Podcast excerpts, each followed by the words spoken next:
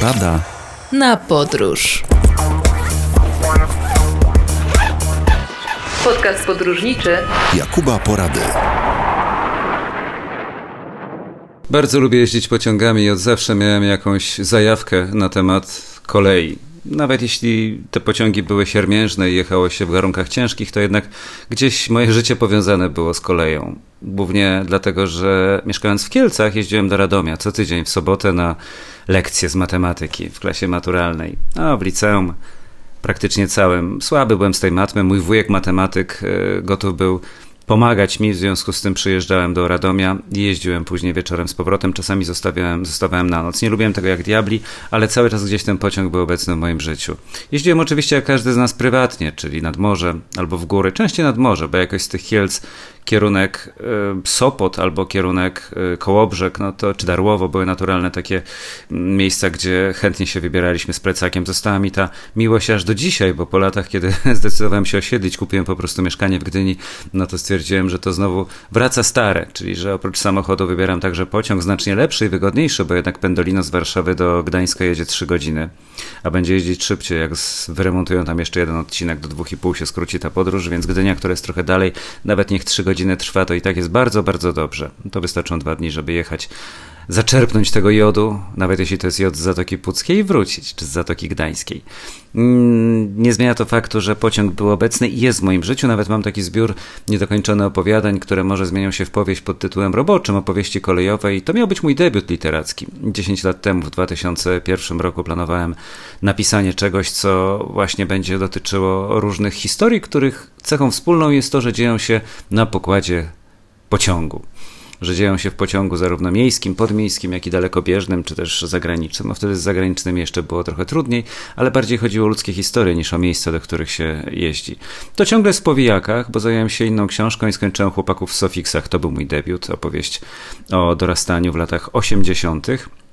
Natomiast ciągle dorzucam do tego worka pociągowego historię. Śledzę blogi kolejowe jak Pociąg na podróż czy Kolej do podróży, które moim zdaniem stanowią niesamowitą dawkę wiedzy związaną z rynkiem właśnie tego transportu, który był niedoceniany i który jest pięknie opisany m.in. w książce Olgi Gietkiewicz Nie zdążę, która przeanalizowała sytuację po 1989 roku w naszej ojczyźnie, kiedy te połączenia były kasowane świadomie. To była tak zwana mm, likwidacja polegająca na wygaszaniu popytu. Ładne określenie, wygaszanie popytu. Robiło się to w ten sposób, że jeżeli ludzie jechali z podmiasta do miasta, i później z powrotem jakąś trasą, no a nie opłacało się jej utrzymywać, no to najpierw zmieniało się godzinę odjazdu. Jak się zmieniało ją o nawet 20 minut do przodu albo do tyłu, to nagle nikomu się już nie opłacało tym jechać, bo było albo za wcześnie, albo za późno, więc ludzie przesiadali się do autobusów albo zrzucali się na transport prywatny, a pociąg jechał pusty. I jak tak pojeździł parę miesięcy, no to później była podkładka do tego, żeby to połączenie zlikwidować, dlatego że nie jeżdżą nim ludzie, znaczy się nie jest potrzebne. Dokładnie to samo robiło się w publicznej przez wiele lat, jeżeli jakiś program się nie podobał. Pamiętam jeszcze z czasów w latach 90., kiedy ja pracowałem w ośrodku w Katowicach i mocno analizowałem ten rynek, a teraz patrzę z boku. Jest jakiś program, na przykład Pegas, który pamiętam, że istniał zawsze i dziesiątki jeszcze innych programów, ale decyzja o zdjęciu z anteny odbiega, przebiegała w następującej sekwencji zdarzeń. Najpierw zmieniało się godzinę, godzinę i dzień, tak żeby ludzie przyzwyczajeni do oglądania tego stałej porze byli zdezorientowani zirytowani. W związku z tym nie bardzo wiedzieli, gdzie szukać, albo im ta nowa godzina już nie pasowała, tak jak wcześniej, bo nawyki się wyrabiają. No a skoro nie pasowała, to nie oglądali, albo oglądali w dużo mniejszej liczbie. Nowi z kolei nie byli może zainteresowani, albo nie wiedzieli, że coś takiego jest, więc ogólnie wyniki ratingowe spadały. No jak spadały, no to to była znowu podkładka do tego, żeby powiedzieć, że traci na oglądalności produkcja, trzeba ją zdjąć z anteny. Więc znalazłem analogię pomiędzy kolejami i to jest też powód na to, żeby kolej oglądać i obserwować. Dzisiaj chciałem bardziej powiedzieć o pociągu Pobrzeże, który jest moim ulubionym składem. Gdybym zapytał was, czy macie ulubiony pociąg, to prawdopodobnie większość odpowiedziałaby, że tak nie bardzo. No jadę do jakiegoś miejsca, ale nie zastanawiam się czym.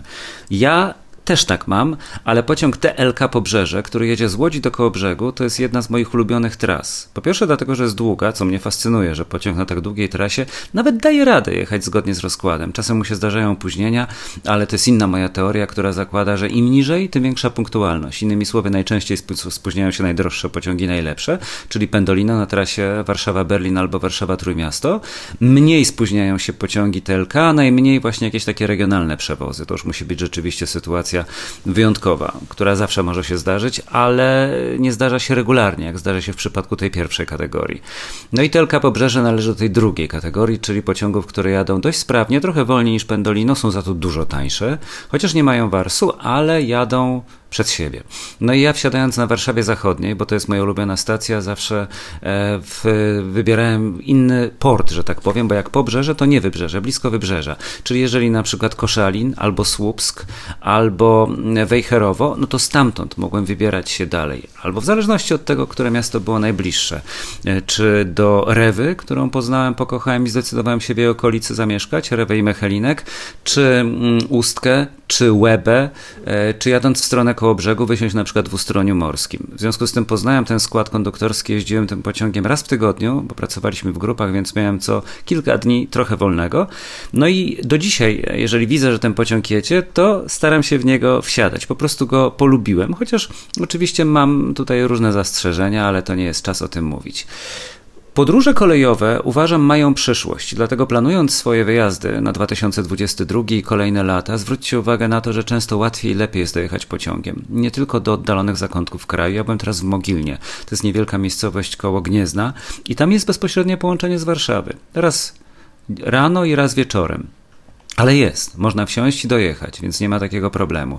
Jeżeli biorę książki na spotkania w bagażniku, no to siłą rzeczy potrzebuję auta, ale jeżeli nie muszę, to wsiadam zawsze w pociąg i nawet z przesiadkami próbuję się dostać, bo dzięki temu poznaję zupełnie nowe miejsca i widzę, jak coraz lepiej jest mimo wszystko Polska skomunikowana, chociaż są regiony lepsze i regiony gorsze. Poznaje się ludzi, mm, przeżywa się niesamowite historie, o jakich powiem pewnie w innych audycjach, to już myślę w 2022 roku, natomiast na zadanie domowe jeśli tak mogę powiedzieć, zadaję Wam, e, żeby zapoznać się bliżej z pociągami, wytyczyć sobie jakąś trasę, niekoniecznie tą najdłuższą w Polsce, czyli z Przemyśla aż gdzieś tam nad morze, która jedzie chyba z 15 godzin, to też trzeba sprawdzić, ale jakąś taką właśnie, w której można wsiąść, przejechać do jakiegoś miejsca i być może wieczorem wrócić albo następnego dnia wrócić. Innymi słowy, zrobić sobie, jeśli tego jeszcze nie planowaliście, wycieczkę nie samochodową, mm, nie samolotową siłą rzeczy, bo mówimy o troszkę bliższych, bliższych dystansach, ale kolejową zwłaszcza, że ta kolej wcześniej czy później, polska albo czeska, bo tutaj trwają walki, będzie jeździć przecież aż do Chorwacji czy do mm, innych krajów, nie tylko Berlin, Praga czy Budapeszt, a nawet i to, to też e, zachęca do tego, żeby jeździć. A zatem czas na kolej to hasło na teraz, a my wracamy po przerwie.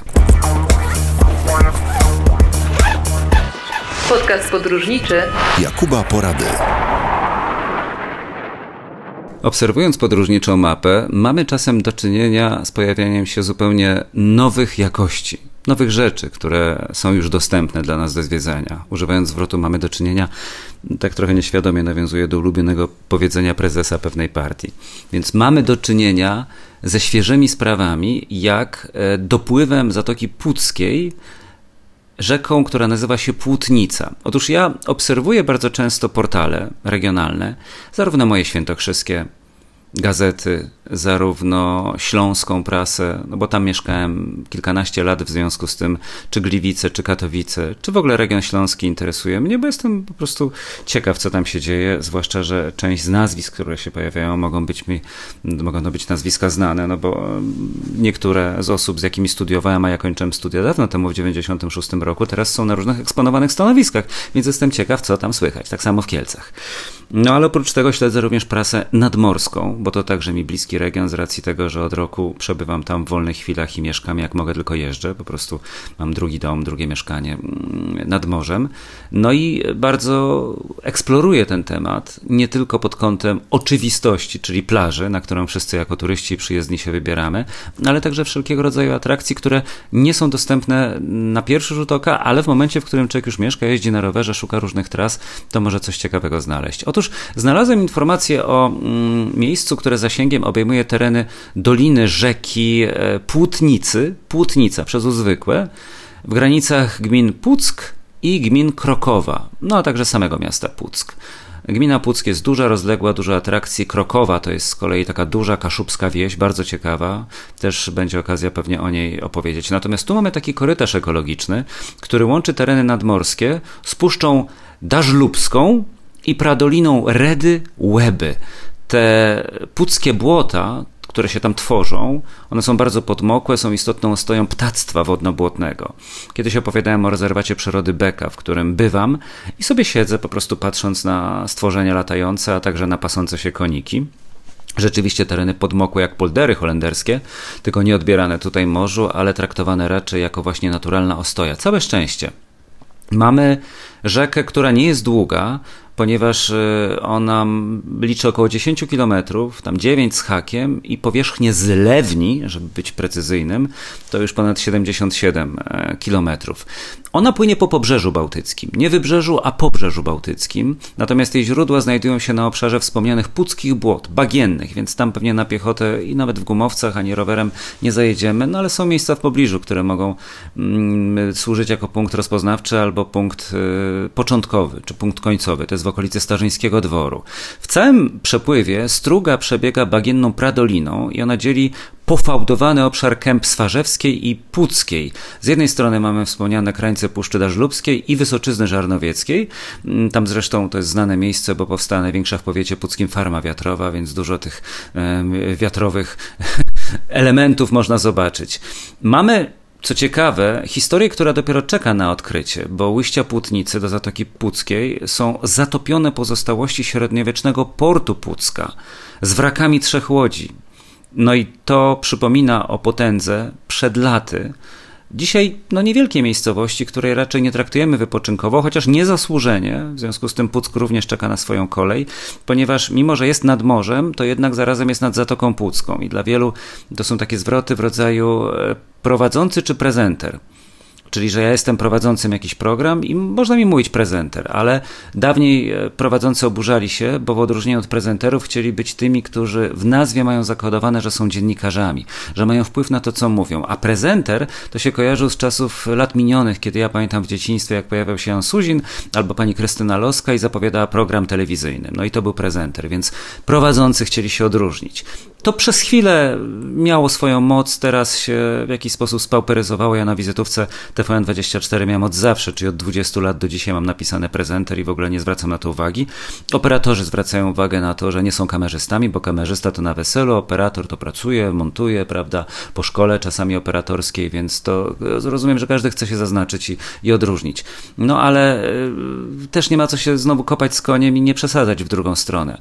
Mówię o tym dlatego, że w przypadku Pucka albo innych kilku miejscowości często mówi się, a gdzie, a to nie na otwartym morzu, to może to dopiero na otwartym morzu, czy Jastrzębia Góra, Władysławowo, na prawo w stronę Helu, albo na lewo w stronę Świnoujścia, to to jest morze prawdziwe. A to, co tam już jest, to to już jest Zatoka Pucka. No ale ludzie do Trójmiasta jadą, mówią, że jadą nad morze, a to jest z kolei Zatoka Gdańska. No tak, ale Zatoka Gdańska ma tutaj otwarcie, no to próby są wytłumaczenia bezsensowne, bo każda y, większa e, wodna, y, każdy większy wodny obszar ma jakieś swoje zatoki. Może być na przykład Zatoka Biskajska w Santander, którą jestem zachwycony i to jest jedno z moich miejsc na świecie, w którym chciałbym mieszkać.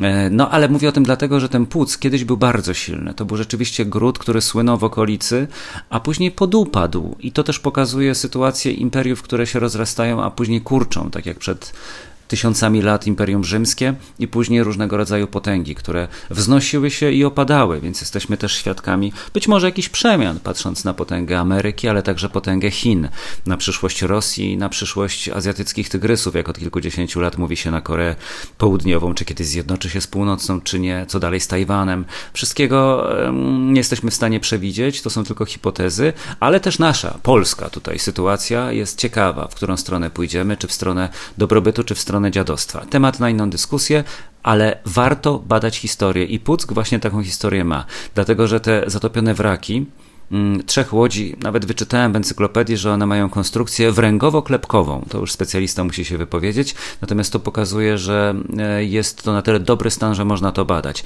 Świadczy o tym, że warto w to miejsce się wybierać. Ujścia z kolei znajdują się także ostoje ptactwa oraz miejsce widokowe na Zatokę Pucką i to jest Kaczy Winkiel. Byłem tam niedawno, mm, tym razem na, nie na rowerze, a samochodem. W pobliżu jest y, bar szybkiej obsługi, więc wziąłem sobie kawę, siadłem na tej ławeczce, bo tam dużo ławeczek jest i obserwuję ptactwo. Jego nie było zbyt dużo, ale pojawia się przez cały rok. Nazwa jest fajna, Kaczy Winkiel, więc y, zachęcam Was do tego, żeby odwiedzić y, regiony Puszczy Dażlubskiej, Pradolinę Redy, Łeby, no i właśnie zobaczyć, jak wygląda dopływ Zatoki Puckiej, czyli rzeka Płótnica, bo powstawanie takich tras, a tam wytyczono nowy obszar, to się odbyło oczywiście w asyście odpowiednich władz regionalnych, no i już y, tabliczki postawiono, ale powstawanie takich nowych miejsc pokazuje, że pojawiają się ciągle nowe miejsca do zobaczenia, a nam o to w podróżach chodzi, zarówno tych dalekich, jak i tych bliskich. Ja specjalnie mówię w czasach pandemii o tych bliższych, żeby uświadomić Wam, że w przerwie między długimi podróżami te krótsze, nie mniej atrakcyjne również są warte grzechu.